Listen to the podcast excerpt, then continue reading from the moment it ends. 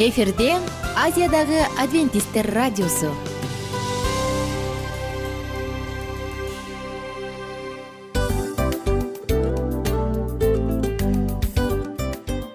Достор салют. Баардык сүйүктүү угармандарыбызга салам айтабыз. Кутман күнүңүздөр менен. Ден соолук өмүрдүн булагы демекчи саламат саамы программасында баарыңыздарды көргөнүбүзгө абдан кубанычтабыз. Анда алгач амандашып өтөлү арбаңыздар деп. Ден соолугуңуздар кандай элибизде көбүнчө ден соолук кандай дегенде эле жакшы деп жооп беребиз э? ооруп турсак дагы жакшы дейбиз. Анан мен муну айтып ойлойт элем бул абдан сонун сөз депчи анткени бул жакшы деген үмүт да э ооба баары жакшы болот баары сонун. Деп үмүттөнүп атып эле өзүбүздү өзүбүз дарылап коебуз. Анысы кандай сиздин дагы ден соолугуңуз жакшы беш деген үмүттөбүз чындыгында ден соолук бул өмүрдүн булагы деп бекеринен айтылган эмес деп ойлойм. Кыргыз элинде анткени эгерде ден соолук жок болсо анда адамдын жашоосунда калган баардык керектүү маңыздуу нерселер өзүнүн баалуулугун жоготуп коет. Ошондуктан ден соолук бул эң керектүү нерсе. Ооба туура айтасың кесиптешим. Чынында ден соолугуң жок бир эки үч күн ооруп калсаң эле э кандай болуп калат? Жашоодо көз каранды болуп каласың көп нерсеге жетишпей каласың көп нерсени кыла албай каласың жада калса эшикке дүкөнгө да чыга албай каласың. Туптуура анан ден соолук болсо демек биз биздин бактыбыз тотой деп койсок болот. Анда достор саламат саамы рубрикабызды баштайлы. Алдыда өзүңүзгө керектүү болгон сонун кеңештерди уга аласыздар. Мына ошондуктан биз менен бирге болуңуздар. Ал эми биз болсо милан жана айнура.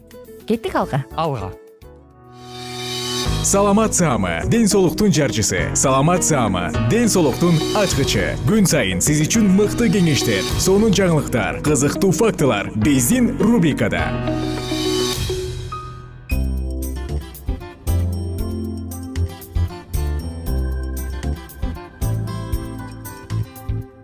Салам достор биздин сүйүктүү угармандарыбыздын баардыгына ысык салам айтабыз. Жана сиздер менен бирге жагымдуу саатыбыз саламат саама рубрикасындабыз бүгүнкү уктуруу бизде өзгөчө айырмаланат. Эмнеси менен десеңиз алдыда дарыгерлер менен болгон маектерди сунуштамакчыбыз.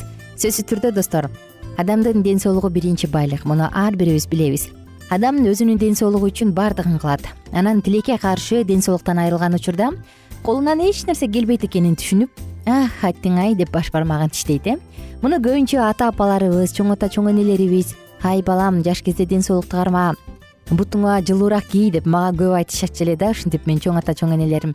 Башыңда жылуу кийин кышында жылаң баш жүрбө үшүп каласың.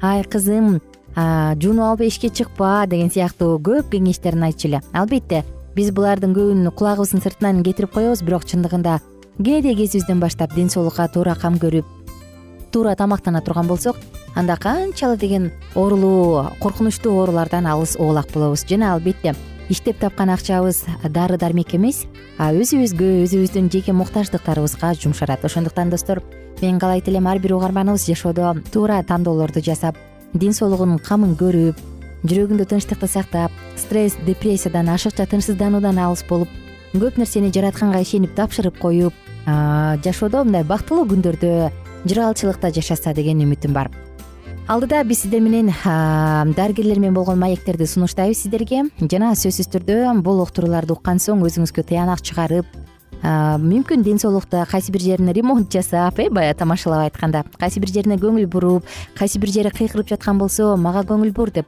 ага көңүл буруп коюу абдан зарыл. Ошондуктан каалайт элем достор.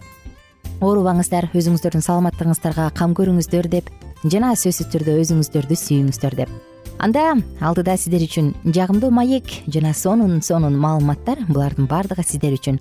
Саламат саама рубрикасы тыңдап жатканыңыз ар бир угармандарына ар бир угарманыбызга мыкты маанай жана сонун көңүл жана түшүнүктүү маалыматтарды сунуштайбыз.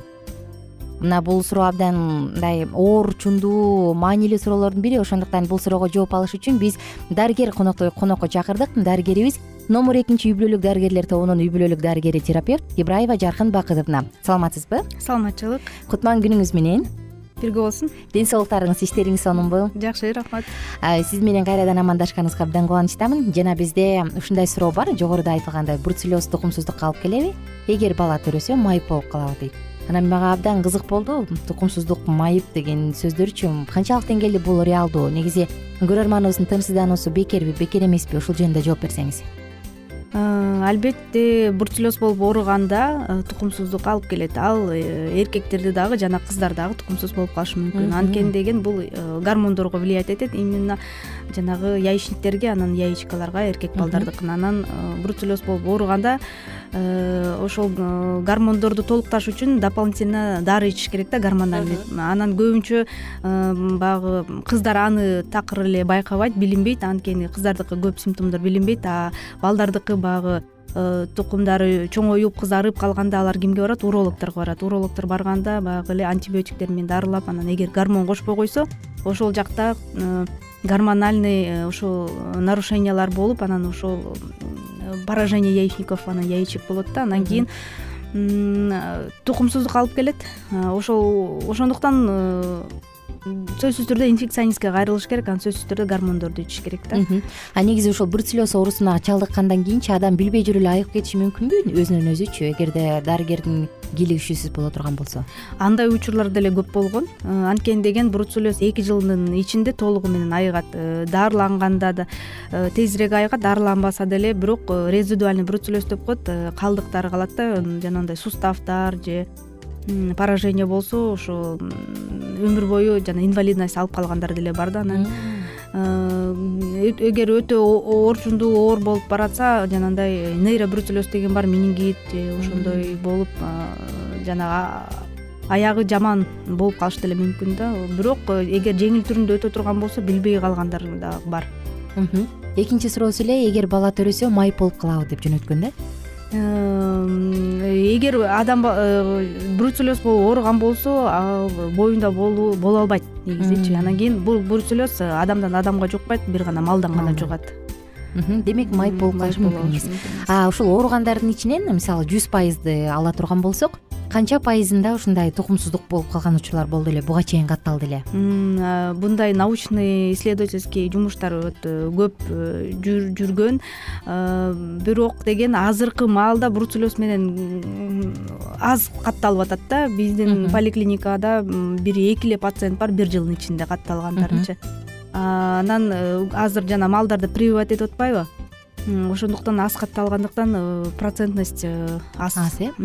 А мисалы ооруган адам ооруп жүргөнүн билбей бирок кийин тукумсуз болуп калса. Мисалы турмушка чыкканда же үйлөнгөндөн кийин бала болбой атсачы анда демек дарыгерге барганда бруцеллез болгондугун же мурун ооругандыгын кантип текшерсе болот анын? Анткени ал айыгып кетти да. Же жөн гана гормондорго тест тапшырыш керекпи же эмне кылат ошон билбей калып атышпайбы ошондо баягы эмнеге тукумсуз болуп эмнеге төрөй албай атасың эмнеге балалуу болбой атасың деген алар бруцеллез болгонун эстен чыгарып коюп атат. А бруцеллезго каршы антителолор эки жыл гана сакталат да анан э, титрлар жок болуп кетиши мүмкүн. Эки жылдын ичинде жок болот. Э, баягы жок кийин сен тест тапшырсаң эч нерсе чыкпайт. Анализ тапшырсаң чыкпайт. Чыкпайт. Сен мындай толук кандуу эле айыккан адам айыккандай адам болуп каласың. Бирок уже э, изменения произошли и уже безвозвратно деген анда ошо бруцеллездун кыскача айта кетпейсизби? Кандай симптомдору бар? Кыскача. Бруцеллез деген өзү мындай остро Э, болушу мүмкүн же болбосо жана хронический өнөкөт э, өнөкөт түрү болушу мүмкүн да. Анан кийин острый болсо дагы экиге бөлүнөт. Башында жана температура болуп туруп мышцалар э, ооруй баштайт. Жана суставдар кошулат. Эң негизгиси ошо суставдар чоң чоң суставдар ооруй баштайт. Крупный жана коленный локтевой тазобедренный суставдар ооруп анан баса албай кыймылдай албай кызарып алар шишип Э, кетет. Бирок бруцеллездо эмнеси бар? Жанагы дене табы көтөрүлгөндө кыркка кырк бир болуп атса дагы бирок алар андай интоксикация болбойт аны көтөрүп телевизор көрүп ошол моментти билбей деле калышат ооруп атканынчы бир гана жанагындай суставдар ооруганда ошондо байкашат да анан кийин э, эпидананы сурай кеткенде эле үйдө мал бар мал багабыз же болбосо перчатка жок малды союп атканда же малдар жанагы төрөп атканда тууп атканда ошондо жанагындай околоплодный воды ошолор менен контакт болгондо жууп калат да. Анан биринчи ошол симптомдор эле суставдардан эле частый баштайт жакшы. Ыраазычылык айтабыз сизге. Сонун жооп болду. Жана биз көрөрмандарыбыз менен коштошобуз. Эгерде сизде суроо болсо ылдый жакка комментарий калтырыңыз кайрадан амандашканча кененирээк маалыматтар үчүн үч w чекит саламат чекит клуб сайтына келип таанышыңыздар. Жана андан тышкары социалдык тармактарда youtube facebook жана instagram баракчаларына катталыңыз. Саламат саама ден соолуктун жарчысы. Саламат саама ден соолуктун ачкычы. Күн сайын сиз үчүн мыкты кеңештер сонун жаңылыктар кызыктуу фактылар. Биздин рубрикада.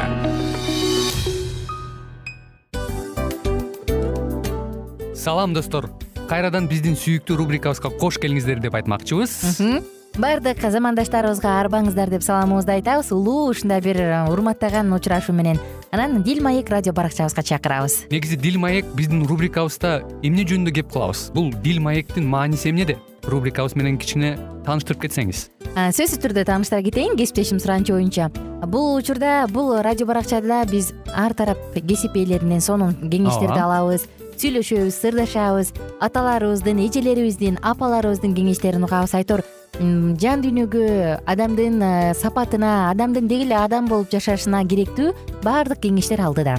Негизи э, дил маек дегенде баягы эки адамдын ортосундагы сырдашуу кенен сүйлөшүү. Негизи эле биз адамдар бири бирибиз менен бир жерге жай жерге отуруп алып өзүнчө тынч э, жашоо жөнүндө өмүрүбүздө эмне болуп атканын бөлүшкөнү жакшы көрөбүз э адамдар. Ооба туура айтасың анан э, мындай учурга кээде убакыт да жетпей келет э? Же болбосо сырыңды кайгыңды муңуңду кубанычыңды айткың келет а адамга ишенбешиң мүмкүн. Ооба. А бул радио баракча угармандарыбыздын чыныгы досу. Анткени бизден алган кеңеш сиздин жашооңузга чоң жардам берет.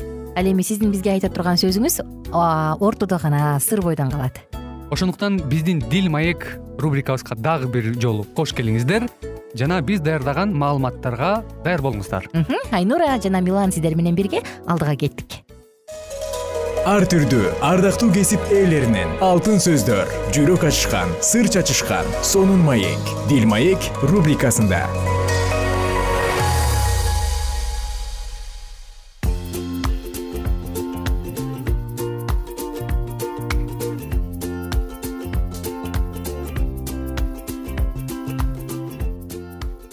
Кутмандуу күнүңүздөр менен урматтуу угармандарыбыз кайрадан эле биз сиздер менен э, дил маек уктуруусун улантмакчыбыз. Ооба достор жалпыңыздар менен үн алышканыбызга кубанычтабыз. Кесиптешим улан жана мен айнура сиздер менен биргебиз достор. Эске салсак биз үй бүлөлүк кризис жылдары нике кризистери жөнүндө сөз кылып атканбыз жана мурунку уктурууларыбызда бир анан үч жылдык кризис жөнүндө айтканбыз э? Кандай кризистер болот эмнеден улам келип чыгат деп. Анда бүгүн уланталы кандай дейсиң кесиптеш? Сөзсүз түрдө уланталы ал эми биздин угармандар дагы күтүп чыдамсыздык менен э, тыңдап радионун кулагын чоңойтуп алып күтүп калса керек кулагы жакшы экен. Э, кийинки нике кризис жылдары бул психологдордун айтымы боюнча үй бүлө кургандан кийин жети сегиз жыл аралыгы дейт элестет? Жети сегиз жыл. Эң кооптуу учур экен никедеги эң кооптуу учур бирге жашап жаткандагы жети сегизинчи жылдар. Үй кургандар куруп тиричилик өз жайына түшө баштайт. Жубайлар бири биринен тажап жаңыланууну самап калат экен. Көп учурда күйөө жаңы эмоцияларды издейт бул нерсе аялы үй кызматкеринин ролун аткарып калгандан келип чыгат. Күйөөсүнө аялы кызыксыз туюлуп ортодо үчүнчү адам пайда болуп кетиши мүмкүн. Дагы сүйүү үч бурчтукка курулуп үй бүлө талкаланып калышы мүмкүн дейт. Кантип чыгыш керек? Бул кризистен үй бүлөнү мамилени жаңыртуу менен гана сактап кала аласыздар. Бирин бири күнөөлөөдөн жазалоодон эч нерсе чыкпайт.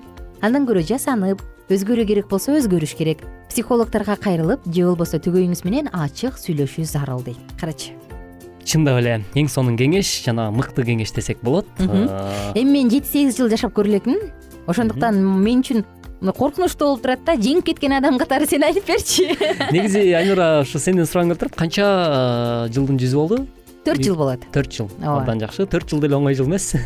Ооба бирок азырынча биз медальга татыктуу эмеспиз да.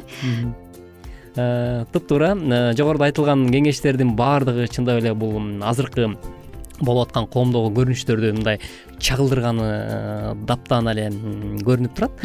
Э, негизи ооба э, ошол сегиз жыл болобу төрт жыл болобу он жыл болобу мунун негизи айырмасы жок. Ооба чоң убакыт менен кичи убакыттын кичине бир аз айырмасы бар болушу мүмкүн бирок ошол эле учурда чындап эле баягы жубайлар бири бири менен болгон мамиледе баягы үй бүлөлүк гармония дейбиз э орусча айтканда ошол сүйүү мамилесинде никелик жашоодо ушундай э, жети жыл сегиз жылдык э, кризис учурунда э, ортодо мындай ачыктык мамиле болбогондон улам көп учурда жанагындай ортого бул жерде жанагы маалыматтарда айтылып кеткендей эле ортого кандайдыр бир бөтөн адам кошулуп калышы мүмкүн. Ооба.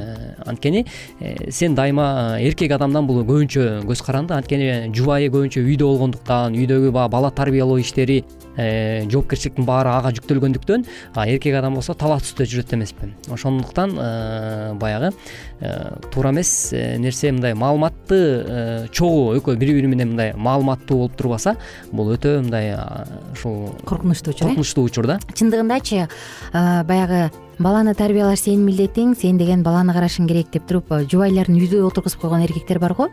Мен айтат элем бул туура эмес депчи анткени мына ушундайдан улам ушул сыяктуу кесепеттер келип чыгышы мүмкүн да. Үчүнчү адам көзгө чөп салуу ала жипти аттоо дегенчи. Анан адам аял затына дагы эркиндик бериш керек. Мисалы көп учурда баягы үйдө көп жыл отуруп калган адам өзүн кантип өзүнө карап кам көрүшү керек экенин жасанышты кийиништи деле унутуп коет. Керек болсо көчөгө чыгайын десе кийип чыкканга кийими жок анан бир сыйра кийими баягын эле анан күйөөсү андан тажай баштайт да. Бирок ага аял күнөөлүү дегенге жатпайт да. Бул демек эркек ага татыктуу мамиле э, кам көрбөй атат э керектүү түрдө. Анан көзүнө башка э, жакшынакай кийинген айымдар көрүнө баштаганда анан башка жакка карай баштайт да. Чындыгында мындай карап отуруп туруп э, айбанчалык поступок деп коет го жүрүм турум да. Бул эгерде келинчегине өзү татыктуу кам көрө албай келинчегин өзү татыктуу сүйө албай туруп башка бирөөнү караса бул анда айбанчылык эле да.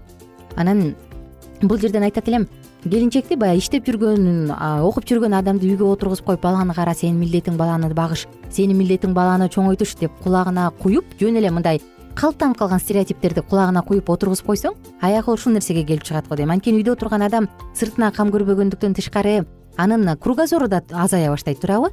Жолдошу жумуштан келгенде экөөбүз сүйлөшкөндө баягы эле үй тиричилик да тамак жасадым мен жумушка иштеп келдим канча акча бар баламдын буту жыртылып калыптыр деген сыяктуу эле сөздөр менен чектелет а тереңирээк баарлашуу жок болуп калат. Андан тышкары ал адам мүмкүн толуп кетиши мүмкүн туурабы. Мисалы аял заты өзгөчө төрөгөндөн кийин сөзсүз физиологиялык өзгөрүүлөргө дуушар болот. Мындай учурда акчаны татынакай эгерде үйдө отурушун кааласа татынакай таап берип бул сенин кийимиңе бул сенин өзүңө өзүңө кам көр деп мүмкүн спорт залга фитнес клубка барганга мүмкүнчүлүк түзүп берет аялдын өсүшүнө эркек баягы жоопкерчилигин алгандан кийин сөзсүз шарт түзүшү керек деп ойлойм да. Анан бул жерден аял күнөөлүү анткени ал мага көңүл бурбай атат деген туура эмес го деп ойлойм. Кандай дейсиң албетте эң туптуура ой пикирлер менен бөлүшүп өттүң кесиптеш. Чындап эле көп нерсе бул эркектин көз каранды деп мен мындай жүз пайыз айта алам себеп дегенде ошол үй бүлөдөгү атмосфераны өзгөртүп коюш дагы аны туура нукка буруш дагы бул эркек адамдан көбүрөөк мындай көз каранды да. Ошол эле мисалы талаа түстө жүрсөң деле бирок кандайдыр бир мисалы бир айда иштесең деле бир айдын ичинде э, мүмкүн бошобосоң дагы кийинки айга мындай пландаштырып план түзүп э, кийинки келаткан айда мен жубайым менен өзүнчө бир убакыт өткөрөйүн. э, ошол эле баягы алгачкы үйлөнгөн учурлардагыдай эстейин деп э? Эстейин деп бир романтикалуу бир учурларды мындай тартуулаганга аракет кылып жөн эле мисалы биз буга чейинки программада айткандай кафе ресторанга барбасаң дагы жөн эле көңүл буруп балким аны жакшынакай бир кийим алып берип э, дүкөндөрдү кыдырып ээрчитип чыгып э ээрчитип чыгып же бир жерлерди көрсөтүп көрө элек жерлерин алып барып дегендей ушундай нерселерди э, кылып турган болсок анда үчүнчү адам эч убакта ортого кийлигише албайт туптуура айтасың анан ушул жерде айтчу оюбуз дагы көп бирок убактыбыз ай ай ай убактыбыз аз эле калды саналуу гана секундтар калды. Сиздин жеке оюңуз кандай болду экен? Угармандарыбыздын дагы ою мага кызык болуп турат. Бул учурда жети сегиз жылдык кризисте үй бүлөнү кантип сактап калыш керек? Эң оор учур дейт. Коркуп атам мен. Анан албетте биз угармандарыбыздын психологдордун дагы жоопторун алдыда кененирээк карайбыз. Достор эмне дейбиз? Үчүнчү адам эч качан аралашпасын. Негизи эле эркек көзүн аял тилин тыйганды билсе үй бүлө сакталат деп бекер айтпаса керек элибизде э? Албетте. Эркек көзүн тыйсын дейт аял тилин тыйсын дейт. Мына ошондуктан дал ушул стиле дал ушул эреже ар бир жерде кармала берсин жана биз сиздер менен коштошобуз. Кийинки уктуруудан кайрадан амандашабыз достор. Анда кесиптеш сен да коштошуп ал угармандарыбыз менен. Албетте андыктан э, урматтуу угармандарыбыз э, никеңиздер адал болсун жүрөгүңүздөр ак багытыңыздар түз болсун деген тилек менен бүгүнкү программабыздын көшөгөсүн жапмакчыбыз. Кайрадан амандашканча ар түрдүү ардактуу кесип ээлеринен алтын сөздөр жүрөк ачышкан сыр чачышкан сонун маек дил маек рубрикасында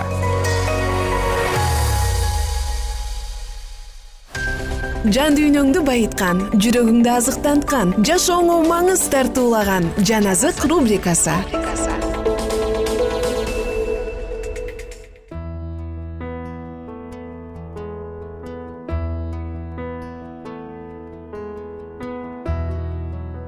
Салют достор баардык угармандарыбызга ысык салам айтабыз. Жана жалпыңыздар менен амандашып кийинки чыгарылышыбызды баштадык. Жан азык рубрикасы саламатсыздарбы ардактуу угармандарыбыз. Кайрадан эле биз сиздер менен бүгүнкү уктуруубузда өткөн берүүбүздө сөз кылгандай эле сөздүн күчү туурасындагы маегибизди улантмакчыбыз. Эсиңдеби кесиптеш мурунку уктуруубузда ушул эмне себептен кыргыз тилинде мындай сөздөр көп? Же бизде элеби деп бир аз сөз кылбадың белең э, чет элдик адам кыргызстанга келет анан келип кыргызстанда жүрүп айыл жергелерине барганда апалар аябай кыйкырып балдарын угуп аткан кыйкырып урушуп атканын угуп калат да анан эмне деп урушуп атат? деп жанындагы котормочудон сураса ал айтат да ушундай балаңдын өлүгүңдү көрөйүн деп атат. Десе кудай сакта бул эмне деген сөз? деп аябай жүрөгү түшүптүр да кантип ушуну баласына айтат? Муну деген душманга да айтчу сөз эмес да? депчи анан дагы бир жерден барсам ал жакта дагы баласын урушуп атыптыр кызынчы. Эмне деп атат десе ал айтат э, кара жерге кир деп атат. Ушундай мындай жерге кир. Тагыраак айтканда мындай которулганда өлүп кал деген деле мааниде айтып атат десе аябай жүрөгү түшүптүр да. А берки кыргыз бала айтат мен котормочу болгондуктан мен үчүн бул көнүмүш сөздөр болчу дейт да. Анан мен көп маани берген жокмун а качан ошол чет элдик адам жүрөгүн э, түшүп мындай жакасын кармап тобо дегенде дейт. Мен ошондо аи кантип ушундай коркунучтуу сөздөрдү колдонобуз? деп ойлоно түштүм деп атпайбы анысы кандай чындыгында э кандай шүмшүк элесоо анан эмне кыл башыңды жегир деген жаман сөздөр бар да. Азыр мен таң калып коем эмне себептен бул лексикондор бул сөздөр биздин лексиконго кирип калган. Эмне себептен колдонулуп калган деп кээде таң калам да? Мындай жүрөгүң түшөт го чындыгында ал сөздүн маанисин карап турупчу анан чындыгында мындай сөздөрдүн ар бир сөздүн күчү бар. Анан албетте жакшы сөздүн дагы күчү бар э. Мисалы чет элдик башка өлкөлөрдө балам мен сага ишенем деген сөздү көп айтышат. Сен муну кыла аласың деп. Кичинекей кезинен эле баланын өзгөчөлүгүн баланын индивидуалдуулугун баланын жөндөмүн баса белгилейт экен дагы анан ата энесинин ишеничине таянган бала чын эле ошол нерсени кылат чын эле ийгиликке жетишет чын эле өзгөчө адам болуп чоңоет ооба туп туура чындап эле э, баягы чет элдик э, адамдар э, көбүнчө ушул балдарын шыктандырганга кичинекей кезинен тартып эле анын потенциалын көтөргөнгө мындай аябай аракет кылышат эмеспи ошондуктан бүгүнкү учурда биз мындай кыргыз коомчулугунда дагы байкасак болот. Эмне үчүн биз мындай өткүр эмеспиз? Кээде кээде биз өзүбүздүн оюбузду ачык айта албайбыз. Кандай бир мындай ичибизде орусча айтканда комплекс болуп эле кысынып басынып ушинте беребиз. Анткени кичинекей кезибизден тартып эле бизди баягы ай анткен болбойт тынч отур э, деп кысып тыйгандыктан улам дагы биздин мындай э, ички адамдын э, эле ички адамдын Э, баягы өсүү темпин мындай басып салгандай сезилет да мага. Анткени ошондон улам э, биз мындай батынып өзүбүздүн оюбузду ата энелерибиздин алдында ачык айта албагандык ушундан улам калса керек. Туптуура бирок албетте жакшы жагыбыз да бар жакшы тарбиялык жагыбыз да бар. Мисалы улууну урматтоо кичини узаттоо деген нерселер бар. Бирок тескерисинче эң гана жаман жерибиз ушул э, мен көп учурда байкайм. Ушул биздин жанагы сен айтып калгандай эле көп учурда биз ошо оозубуздан кандай сөз чыгып атканын кулакка сиңип калгандыктан биз маани бере бербейт экенбиз да кыргыздар көбүнчөчү айтпа. мисалы жанагындай эле ооз калгыс жаман сөздөр өлүк тириңди көрөйүн. Болбосо маанисин да ойлонбойбуз. маанисин ойлонбойбуз.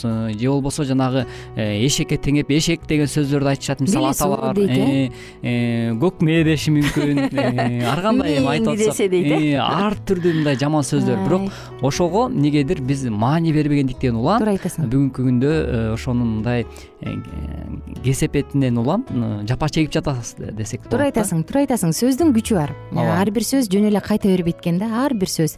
Мына ошондуктан карасаң кээде эмнеге мындай болуп атат эмнеге сен мындай болуп чоңоюп калдың? Мен сени жакшы эле тарбияладым беле дейт да бирок бала чакта эле баланын өзүнө болгон ишенимин баланын өзгөчө потенциалын ата энеси ушундай сөздөр менен жок кылып коет дагы анан кийин жакшы адам өсүп чыгышын үмүттөнөт да. Же болбосо жөнөкөй эле сөз э бул абдан көп үй бүлөлөрдө колдонулат. Байкасаң карачы тигинин баласы мындай кылыптыр а сенчи бокко да жарабайсың. Колуңан эчтеке келбейт. Салыштыруулар э? Салыштыруулар ооба салыштыруу салыштырып ушундай адамды ушундай бир жаман сөздөрдү айтуу менен тиги адам ак окуй мен кыла албай турбаймынбы тиги укмуш экен деп кичинекей кезинен өзүнө болгон ишеним жок калат экен да. Тил канчалык деңгээлде зор да тилдин күчү эмне деген укмуш. Ал тегерегиңди эле эмес сенин жакын баягы жатыныңдан чыккан балдарды сенин эң жакын ата энең бир туугандарыңды дагы өмүрүн талкалап коюшу мүмкүн. Чын эле коркунучтуу ойлонсоң сөзсүз түрдө анан ушул эле ойго дагы бир окуяны кошуп кетким келип атат кесиптешим себеп дегенде мен алыска барбай эле ошол жакын эле өзүмдүн э, бир улуу атамдын карындаштарынын бири дайыма айтчу эле. Э, баягы жолдошуна каратачы сен балдарыңды дайыма эшек эшек деп урушасың. Мына эми э, алар бой жетип чоңойду ар кими талаалап ар кай жерде эшектей Эшек болуп э? эшек болуп жүрөт ушуну айтпашың керек эле деп бир жолу бир отурсак ушинтип урушуп атат да. Мына сен дайыма урушкан сайын эшек эле эшек деп анан э, ушинтип урушуп м, атчы элең. Эми бүгүнкү күндө мына эми балдарыңан эми сен талап кылбай эле кой анткени сен өзүң ушул сөздү сээп койдуң жашоосундо мына эми бүгүнкү күндө э, ар бири эшекче болуп ар кимдин колунда иштеп калды. э, өзүлөрүнүн ордун таппай калды жашоодо деген маанини айтты да анан. Ошол нерселерди угуп отуруп мен дагы мындай ойлонуп баштадым жашоомо анализ жүргүзүпчү. Чындап эле э, биз бүгүнкү күндө э, ошол кесиптешим сен айткандай эле кандай сөздү биз колдонуп жатабыз бүгүнкү күндө? Өзүбүздүн үй бүлөбүзгө карата э, жакын адамдарыбызга карата э, кандай сөз айтып жатабыз депчи. Анан бир ой келди э, мен өзүмдүн чоң энем кичинекей кезинде көбүнчө балекетиң алайын деген сөздү э, Көп айтчу эле да. Анан э, чоң атам болсо тескерисинче кээ бир аталар бар го баягы чоң аталар деле илгерки кишилерде кээ бири баягы неберелерин сөккөнүн укчу элем да мен Мм. ооз калыс сөздөр менен кадимки эле неберени урушуп сөгүп менин чоң атам тескерисинче ошентип сөккөндүн ордуна ал э, болгону бир эле сөздү айтып койчу э, бай болгула депчи анан ошого аябай мындай э, калчумун мен ал убакта ойлочумун кичинекейимде бул бай болуп мени урушуп атат го деп түшүнчүмүн да. Каргап А аткан экен э, деп каргап аткан урушуп аткан депчи. А кээ бир чоң аталар э, неберелер баягы чогош эмчегенде омурткаң сыңгыр анан ар түрдүү бир сөздөрдү айтып э, керек болсо жанагы кадимкидей эле энеңди урайын деген сыяктуу эле сөздөрдү айтышчу да. Анан а менин чоң атам тескерисинче бай болгур дечи. Анан көрсө ушундай сөздөрдү колдонушубуз керек экен деп калдым да. Жакшы. А, убактыбыздын соңку мүнөттөрү болуп калды. Анан кийинки уктуруубузда дагы буюрса улантабыз. Кандай сөз менен айтыш керек? Негизи эмнеге биз ачууланганда дароо эле ооз калгыс сөздөрдү эстейбиз э? Ушул тууралуу да ойлонуп сөз кылсак болот. Достор жалпыңыздар менен коштошобуз. Жана кайрадан амандашканча. Сак саламатта болуңуздар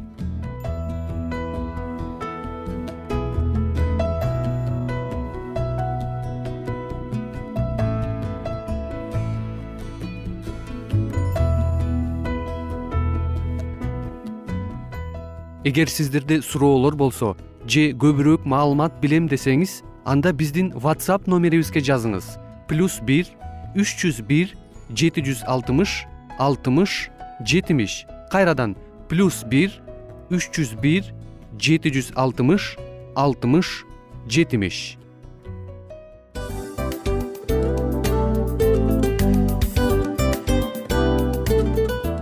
достор биздин радио баракчаларыбыз соңуна келди. Демек бул программабызды дагы жыйынтыктачу учур келдик. Учурга келдик. Анан кесиптешимден сурагым келип турат. Негизи эле иштин башталып атканы кубандырабы сени же жыйынтыгы кубандырабы албетте жыйынтыгы. Себеп дегенде сен кылган ишиңдин жыйынтыгын көрүп э, баягы мөмөсүн көрүп дегендей жыргайсың жүрөгүң жемишинен кубанычка. тартып э? «Мм, кандай даамдуу деп. Баягы буудай сепкенде эмес буудай эгинди жыйнагандан кийин ысык нанды жегенде кадимкидей ырахаттанасың го. Ой айтпа туура айта кеттиңиз. Сонун салыштыруу болду анан мен дагы абдан кубанып турам. Анткени биз угармандарыбыз үчүн аябай эмгектенип келген уктуруубуздун соңуна келип калдык анан эми э, уктуруубуздун соңунда угармандар кандай пайда алып калды экен деп күтүп турам да. Балким э, менин жашоомо өзгөрүү киргизе турган сонун сөздөр болду.